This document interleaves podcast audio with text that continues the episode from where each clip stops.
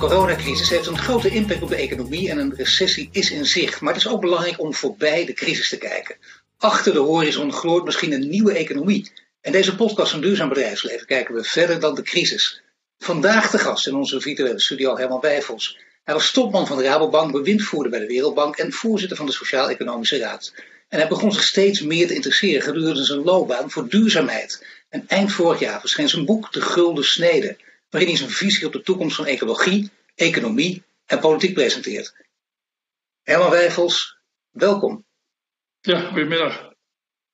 Ja, nou ja, gewoon welkom. Goedemiddag inderdaad. Uh, laten we gewoon eens met elkaar gaan praten over, over het persoonlijke eerst. Want dat doen we in deze tijd natuurlijk met iedereen. Dat is wel belangrijk. Je ziet, er, je ziet er goed gebruind uit. Uh, ik, ik weet dat je in een heel mooi huis woonde. Toen met je vrouw bent verhuisd naar, naar Utrecht, naar het centrum van de stad. Maar volgens mij zit je niet in het centrum van de stad met, uh, met deze kleur. Uh, nee, nee, nou moet ik zeggen dat uh, nou, ik ook uh, nog wel eens op het zuidelijke halfrond kom in de loop van de winter, dus dat, dat helpt ook. Maar nee, wij zitten in de periferie van het land, in, midden in een natuurgebied, in een huisje wat we daar hebben. en dat is um, nou ja, eigenlijk volledige isolatie, daar komt het op neer. We laten boodschappen bezorgen. En uh, we hebben hier uh, de ruimte om te wandelen, hebben we net gedaan. En uh, ik spring ook regelmatig op de racefiets hier. En kan dus nou ja, volop naar buiten. zonder vrees voor besmetting. Daar komt het eigenlijk op neer. Dus we zijn wel goed af hier. En digitaal ook om nog een beetje contact met de buitenwereld te houden? Nou, te kunnen ja, het echt, um, um, zowel mijn vrouw als ik werken normaal door. Uh, zij als um, therapeut, dus ze zit nu uh, op hetzelfde moment in haar derde gesprek van de dag. En ik zit ook in mijn derde call van deze dag. Dus het werk gaat gewoon door en nu in digitale vorm als ik toch even zo brutaal mag zijn, dan kijk je vrouw Herna, de therapeut inderdaad, is wel in deze tijd handig om, om met een therapeut samen te leven, of juist niet. Want je hoort natuurlijk wel als je op elkaars lip zit dat het ook wel eens mis kan gaan. Ja, nee, dus bij ons gaat dat uh, gewoon heel goed. Uh, het is niet zo dat ik mij bemoei met de gevallen die bij mijn vrouw uh, zeg maar aanbellen. maar ja, wij wisselen wel ook over allerlei dingen van gedachten die verder gaan dan, um, laat ik maar zeggen, wat ze op de televisie vertellen of wat dan ook. Um, kijk, dit is toch, hoe je het ook bent of keert, uh, ook een tijd om echt uh, naar binnen te gaan. bezinning, um, uh, echt zo diep mogelijk tot je laten doordringen. wat eigenlijk de boodschap van deze tijd is, waar corona eigenlijk maar één van de verschijnselen is, waar bezinning op, op nodig en mogelijk is. Uh, dus dat soort uh, reflectie, uh, daar doen wij volop aan. Maar mag ik daar kun iets met ons delen van die, van die reflexen? Want wat, wat is dan de boodschap van deze tijd? Ja, er zijn er, er, zijn er wat mij betreft meerdere. Um, maar als ik er nu naar kijk, hè, en ik ben ook een beetje terughoudend hoor, om heel vroeg al met vergaande conclusies te komen.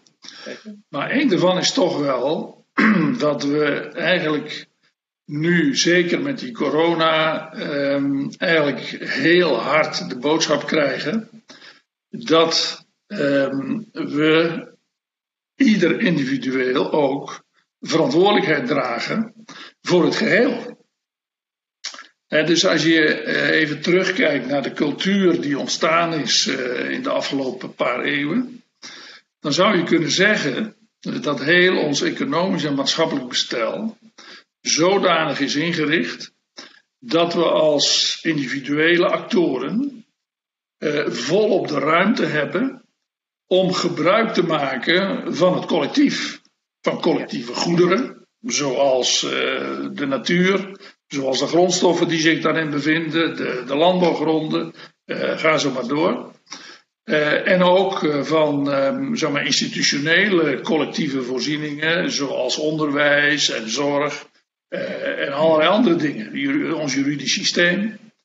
en dat we dat eigenlijk min of meer vrijelijk mogen gebruiken voor onszelf, voor eigen private doelen. Daar is eigenlijk het kapitalisme op gebaseerd, op dat idee. En daar horen we dan om te gaan. Daar horen we dan zorgvuldig mee om te gaan. Ja, en, en wat dus nu naar voren komt, dat is dat we eigenlijk eh, eh, bepaalde beperkingen, ons bepaalde beperkingen moeten opleggen. Niet alleen eh, voor onszelf, voor onze eigen gezondheid bijvoorbeeld, maar dat we ook verantwoordelijkheid dragen voor de gezondheid van anderen. Dus dat is wel een hele belangrijke draai in onze hele cultuur. Eh, waarbij misschien wel de hoofdboodschap is, en, en, die is eigenlijk ook vanuit de ecologie volstrekt duidelijk al een hele tijd, dat we eh, elk vanuit onze manier van leven, vanuit onze manier van opereren, verantwoordelijkheid moeten dragen voor de condities waarin het leven kan gedijden als eh, collectief goed. En dat is nou, wat mij betreft een heel belangrijk eh, aspect van deze. Maar zou die boodschap, boodschap draagt wel, als ik even mag, die boodschap dit draag je zelf al veel meer, vaker over in verschillende boeken. De laatste De Gulden Snede, geschreven door Wilma de Rekker van de Volkskrant. Maar daar weer, maar ik zou bijna zeggen, deze boodschap draag je al heel lang over en die is niet gedaald bij grote delen van de bevolking. Dat klopt, dat, klopt. Nou, dus, dus, kennelijk is daar nog een, een coronacrisis voor en wie weet uh, nog een volgende. Maar, maar wat we nu dus dagelijks ieder individueel beleven, dat is dat we niet alleen aan onszelf moeten denken, maar dat we eigenlijk afstand moeten houden, onze handen wassen, uh, voorzichtig zijn uh, ons in isolatie begeven, niet primair ten op, voor, onszelf, maar voor het geheel. Hè, om uh, collectieve voorzieningen zoals gezondheidszorg niet te overbelasten. En dat is wel. Over collectieve voorzieningen gesproken, er gaat ook veel geld van de overheid naar heel veel partijen, heel veel sectoren omdat we ook met elkaar verantwoordelijk zijn voor de maatschappij, elkaar in stand houden. Nu heb je een econoom, die ken je natuurlijk ook, Sjoen Peter, die zegt: ja, je hebt ook de creatieve disruptie. Daar is het de tijd voor. Oude industrieën, ja, hoe erg het ook is, die moeten een keer ophouden. En daar komen nieuwe uit voort. Dat is één. En daarnaast eh, moeten we alle sectoren ook wel blijven steunen. Of zijn er sectoren die wat jou betreft uh, gewoon ten onder mogen gaan? Dus um, ik vind het goed uh, dat in deze fase er het soort maatregelen is. wat deze dagen, nou ja, zeg maar, wat de, de tekening voor open staat. Ik las overigens net dat um, de pot voor eh, de loonsuppletie al overtekend is. Hè? Ze hem al dicht gedaan hebben, de aanmelding. Um, maar ik vind het goed dat dat gebeurt. Dus dat we nu even, laat ik maar zeggen, alles wat door overheidsingrijpen, want dat is het uiteindelijk, in de onmogelijkheid verkeert om omzet te maken en de eigen kosten te dekken, dat we daar nu even, even bij springen. Eh, maar er komt natuurlijk een moment uh, waarop we de economie weer moeten gaan starten. En dan komen we wel voor um, vraagstukken te staan. Uh, of dat allemaal wat er was, of dat in een volgende ronde meegenomen moet worden naar de toekomst.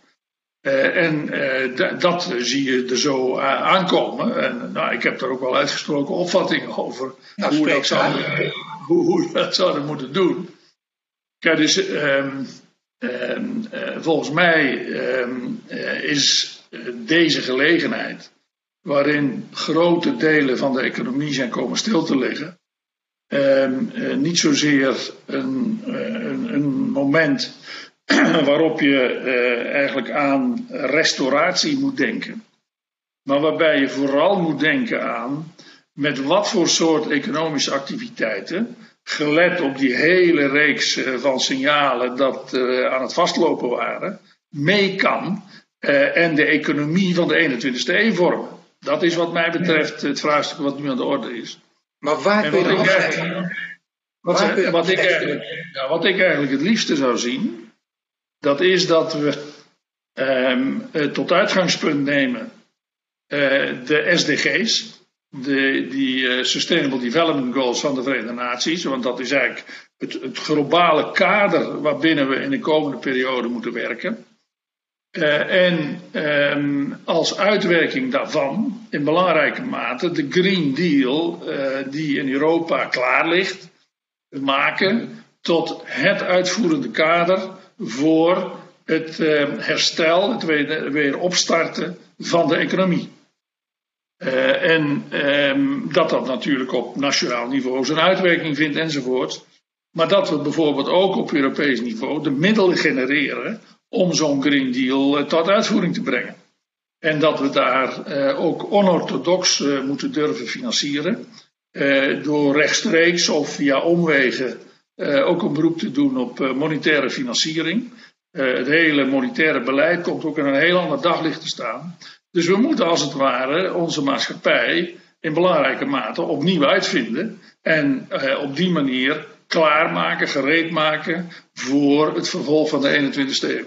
Maar dit is een heel belangrijk punt, hè, want hier gaat het over. Hè. Ik denk dat dit, deze analyse door, door meer mensen die, die, die zeker u volgen, of die jou volgen mag ik in dit geval zeggen, die delen deze analyse. Alleen, die zijn nu een beetje bang geworden, want die zeggen, oh wacht even, deze, de, de, dit leek er ook allemaal aan te komen. Alleen, je zegt het er niet voor niets zelf al keurig bij. Dit moet betaald worden. Dit moet misschien op andere manieren betaald worden. Maar het moet ergens linksom of rechtsom vandaan komen. En dat is een probleem. Maar je ziet het aan Wiebes ook, die meteen zegt: wacht even, eh, CO2, agenda, fonds even opzij zetten. We hebben nu andere dingen aan ons hoofd. En sommige mensen zijn bang dat van uitstel op afstel komt. Waarom denk je dat het toch doorgaat en dat deze, deze lijn misschien al versnelt? Nou ja, dus kijk, nu, nu zitten we nog midden in de fase waarin we proberen eh, zoveel mogelijk te redden wat er is. Hè. Uh, maar er komt natuurlijk toch een moment waarop we ons de vraag moeten stellen. Ja, moet, um, laten we zeggen, de omvang van um, het uh, internationale verkeer, moet dat uh, blijven bestaan op het niveau waarop het bestond?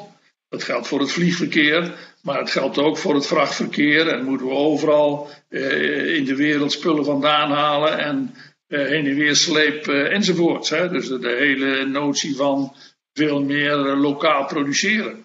Eh, dat overigens strikt verbonden is met een circulaire organisatie van de economie. Dus de, de globalisering stond vanuit dat concept van circulaire economie toch al uh, in zekere zin ter, ter discussie.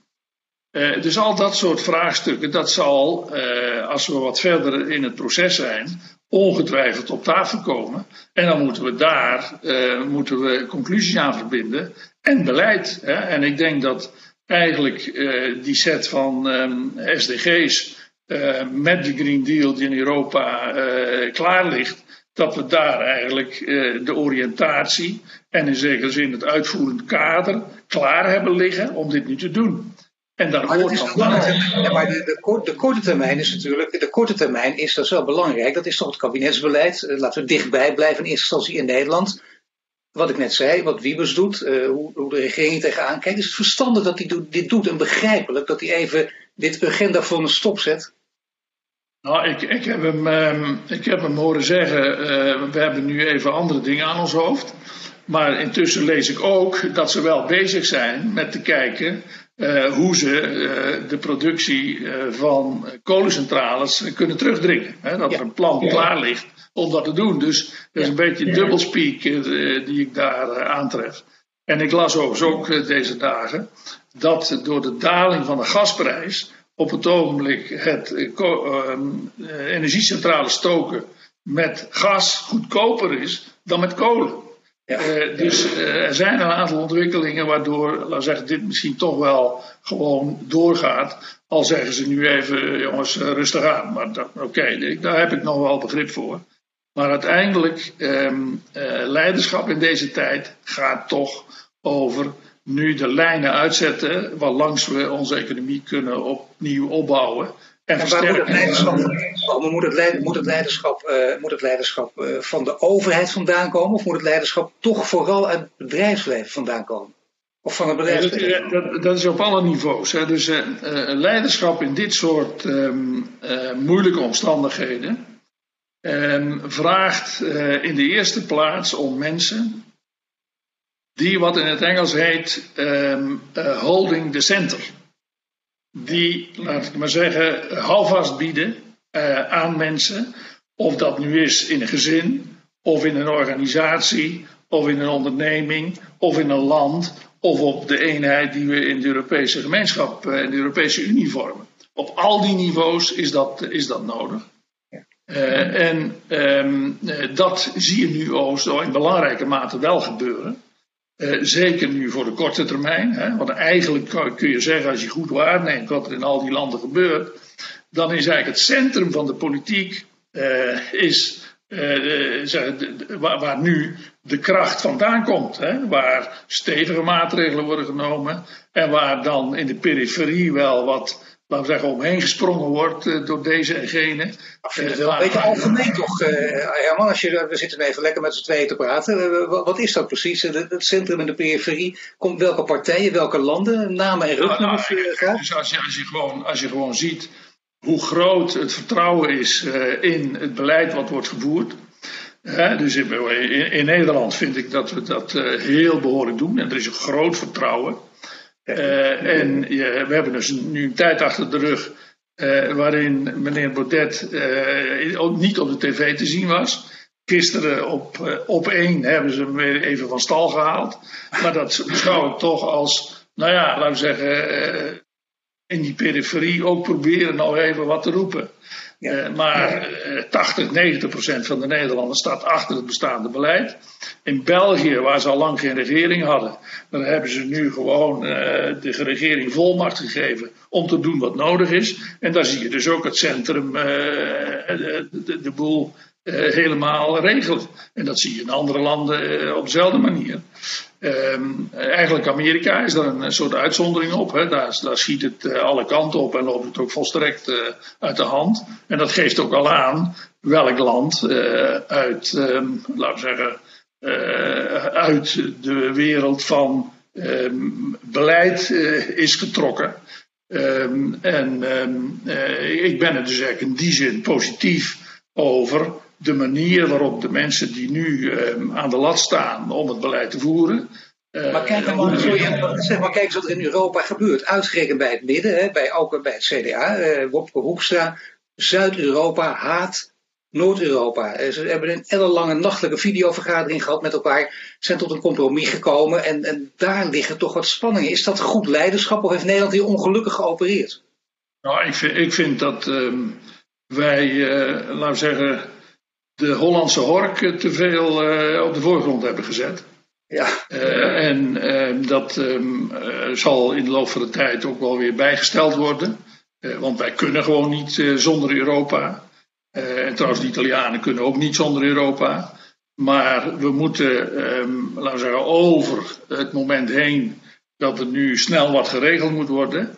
En dan kom ik terug op wat ik eerder zei in dit gesprek dan moeten we um, die Europese Green Deal, um, laten we zeggen, misschien nog wat um, uh, van verdere substantie voorzien. ook financieren met Europese uh, financiële instrumenten. En moeten we niet dat doen door nog meer schuld overal uit te delen, maar door gewoon de ECB als een, en de EIB, de Europese Investeringsbank, samen als een belangrijke uh, bron van financiering van uh, zeg het, herstel van onze economie zien. Ja, maar uiteindelijk komt het geld dan uit de zakken van de belastingbetaler? Want dat is toch de vraag die mensen zich stellen. Nee, want als je, laat zeggen, als je monetaire financiering doet, dan schept de Europese Centrale Bank het geld dat vervolgens, en dat is een heel goed voorstel voor, als een perpetuele lening aan de overheden wordt verschaft, verstrekt. Ja. Uh, en dan uh, hoeft de belastingbetaler daar ook nooit uh, voor op te draaien. En dat kan tegen 0% rente. er is al heel lang een discussie gaande over MMT, de moderne monetaire theorie. En dat gaat hierover. En dat zegt, als je als eenheid, als land of als groep van landen beschikt over een eigen munt, dan is het scheppen van geld is eigenlijk het creëren van een schuld aan jezelf. Hè? Maar een schuld aan jezelf, ja, daar heb je eigenlijk eh, niet zozeer problemen mee. Als je schuld aan anderen hebt, eh, wel. Dus daar liggen nu uh, mogelijkheden. Eigenlijk wordt die uh, monetaire theorie, die moderne monetaire theorie, inmiddels overal toegepast. Hè? In Amerika worden triljarden of triljoenen nu ingezet en uh, dat betekent um, dat er dit jaar in termen van uh, tekort op de overheidsbegroting, ik geloof 15% um, in, in BNP-termen uh, aan tekort zal zijn. Dus er wordt gewoon geld gecreëerd en er wordt nu ingezet. En dat kunnen wij ook doen.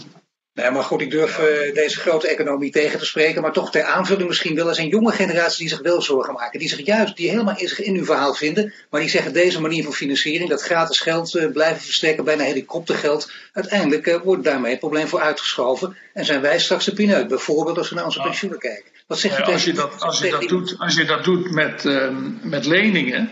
En die, die, die rentedragen moeten worden afgelost, ja. Uh, maar daarom, uh, ook hele orthodoxe economen uh, zijn op het ogenblik voor zogenaamde monetaire financiering. Kijk. Dan is er nog een punt. namelijk, als ik, als ik je goed begrijp, hè, komt uiteindelijk komt er sowieso minder uit Amerika, meer uit Europa, om, om deze ontwikkeling te versnellen, de ontwikkeling die je voorstaat.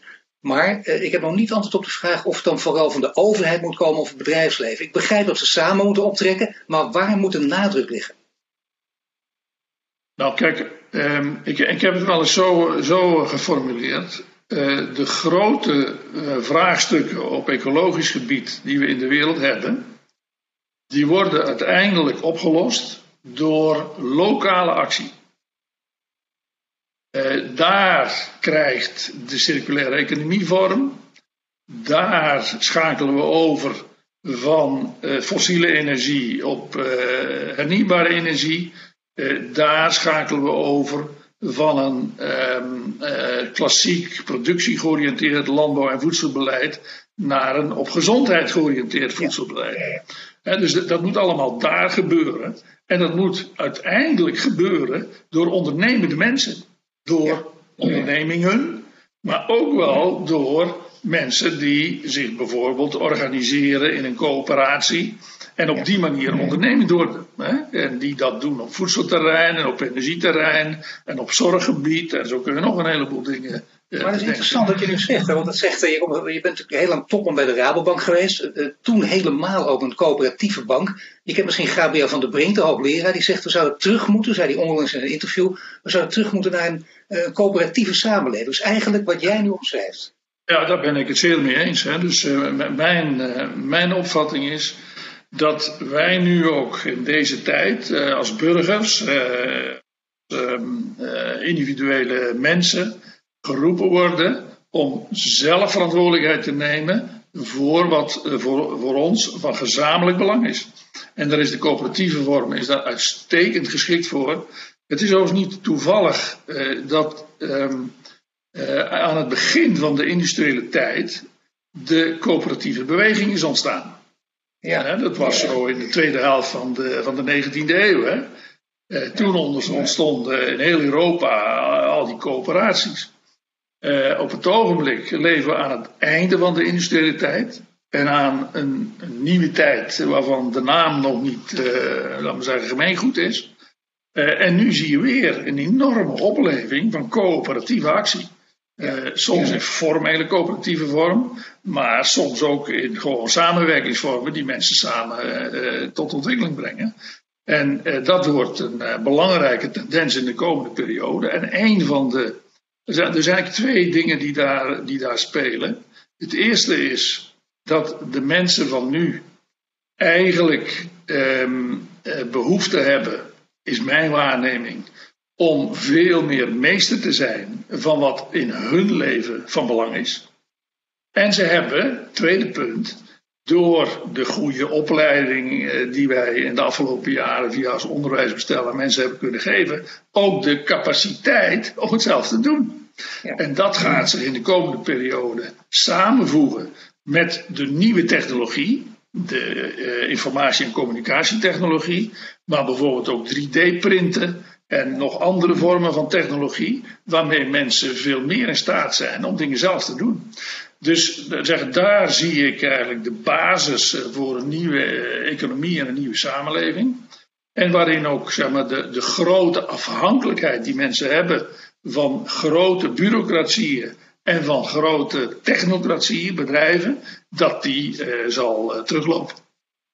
Ja, dat is toch een dat, ik bedoel, dat is echt letterlijk een wederom een omwenteling. En heel mooi dat je dat noemt. Hè. Na de industriële revolutie komt er een tweede periode aan waar we nog geen naam voor hebben, maar die heel veel overeen, of een deel overeenkomsten ook vertoont. Dat, dat is het mooie. Het mooie daarvan is misschien ook wel dat, uh, dat inderdaad bedrijfsleven en overheid hier uh, gezamenlijk gaan optrekken. En dat, dat het minder mooi is, dat is misschien iets meer afdalen van macro naar kleiner niveau, nog niet echt micro, iets ertussenin dat bepaalde sectoren, ik vroeg het in het begin van het gesprek, uh, weg moeten. Ik hoor mensen die zeggen, nou ja, uh, in zo'n tijd uh, moeten oude sectoren plaatsmaken. Zoals bijvoorbeeld, laten we zeggen, we krijgen taxichauffeurs, dat begrijpen we, die krijgen wat geld erbij. Maar bijvoorbeeld nagelstudio's, de tattoo-studio's, moeten die ook geld krijgen? Ja, dus ik heb toevallig vandaag gelezen dat die ook onder de regelingen zijn gebracht. Ja. Maar ja, of dat uh, zeg maar, structurele steun zou moeten krijgen, daar kun je ook grote vraagtekens bij zetten. Als maar mensen dat per, per, se, per se willen, dan moeten ze dat doen. Uh, maar dat lijkt me geen um, onderdeel te zijn van, uh, laten we zeggen, de dingen die werkelijk de kwaliteit van ons leven bepalen en die werkelijk nodig zijn.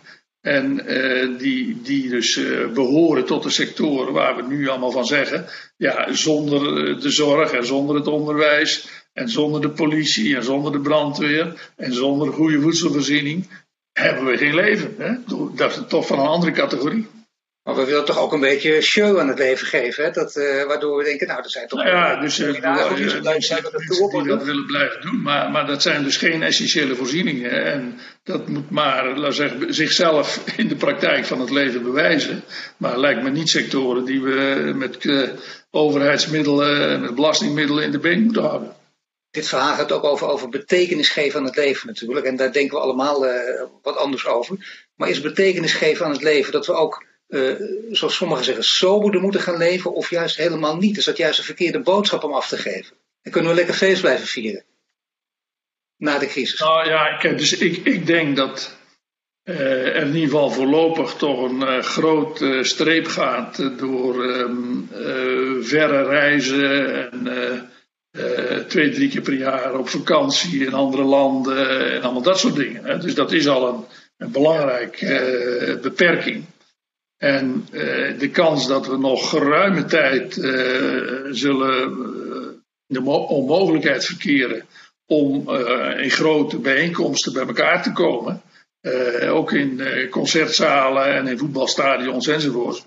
Ja. Dat lijkt me ook volop een mogelijkheid die er nog is. Dus het leven wordt duidelijk even stilgelegd.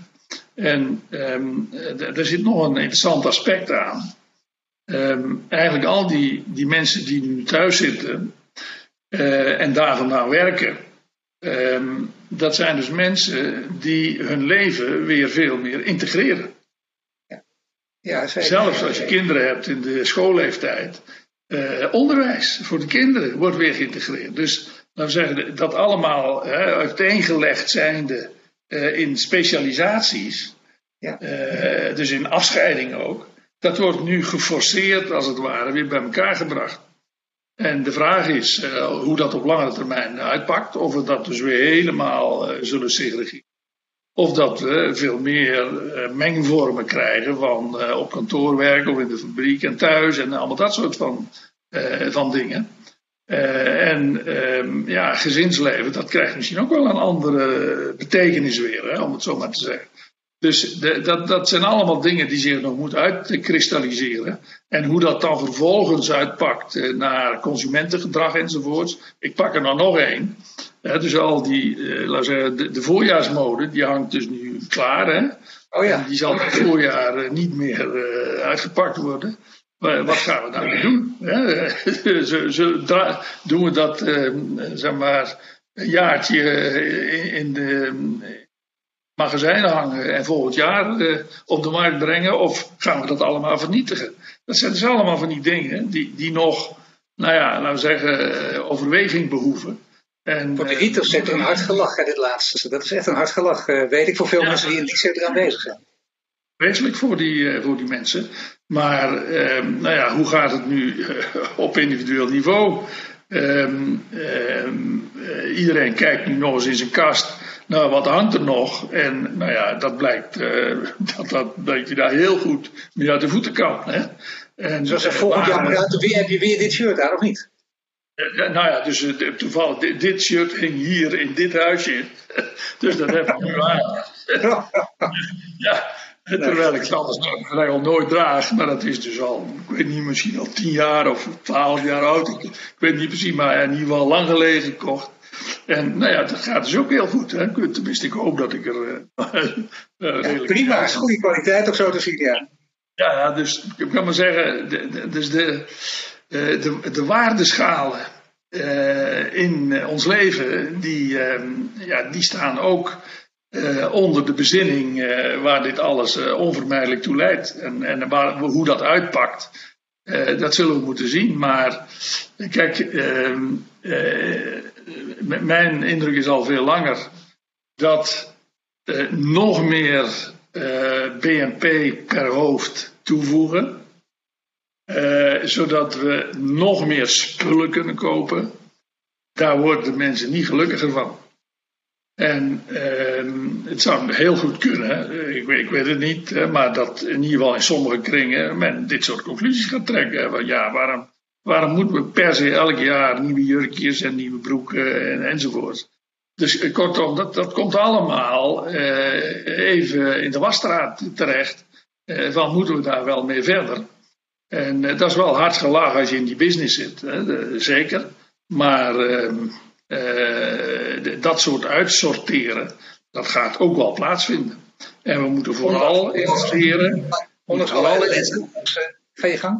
Sorry? Ik kan zeggen, ondanks alle ellende, ondanks de, ellendige tijd van veel mensen nu, denk je toch, kun je, kun je toch met, met enige positieve blik, ook al is het een kwestie van timing, moet je altijd oppassen nu, vooral als er nu mensen op de IC liggen en je kent ze maar toch macro gezien, in het groot, met enige positieve blik naar voren kijken, misschien ooit het paradijs op aarde bereiken? Nou ja, paradijs op aarde, dat. Uh, nou ja, dat is ook altijd. Hè? De, het leven zorgt iedere keer eh, weer voor een nieuwe verrassing en een uitdaging. Althans, dat is mijn eh, ervaring na 78 jaar hier rondgelopen te hebben. Maar ehm, eh, dat we dus eigenlijk nu toch echt op een, op een punt staan uh, waar we heel fundamenteel moeten kijken hoe we het leven in een volgende fase vorm willen geven. En dat geldt op individueel niveau en dat geldt op gezamenlijk niveau. Uh, en hoe we kunnen zorgen dat, laten we zeggen, de context waarin wij leven bevorderlijk is uh, voor de ont ontwikkeling van het leven zelf, waaronder het menselijk leven. Dat is voor mij kraakhelder. En daar zal iedereen of je nou een individu bent, of een gezin, uh, of een onderneming, of een overheid, zal daar een bijdrage aan moeten leveren. Dat is voor mij volstrekt helder. En ik denk dat heel veel mensen um, ja, eigenlijk dat soort boodschap um, graag zouden horen. Vanaf de niveaus uh, die uiteindelijk, laten we zeggen, belangrijke mate daar leiding aan geven. Zoals op nationaal niveau, zoals op Europees niveau. En, en dat is, uh, denk ik, uh, wat ons nu te doen staat. Nou, laten we zeggen, en voor nog meer verdiepingen, uh, vooral degenen die nu wat meer tijd hebben. Ik heb tijdens een paar dagen gelezen het boek De Gulden Snede. Herman Wijfels, ik zou zeggen hartelijk dank voor dit gesprek. En dit was de crisiscast van Duurzaam Bedrijfsleven. Een podcast over leiderschap in tijden van crisis. Binnenkort komen we terug met een nieuwe crisiscast. Tot snel.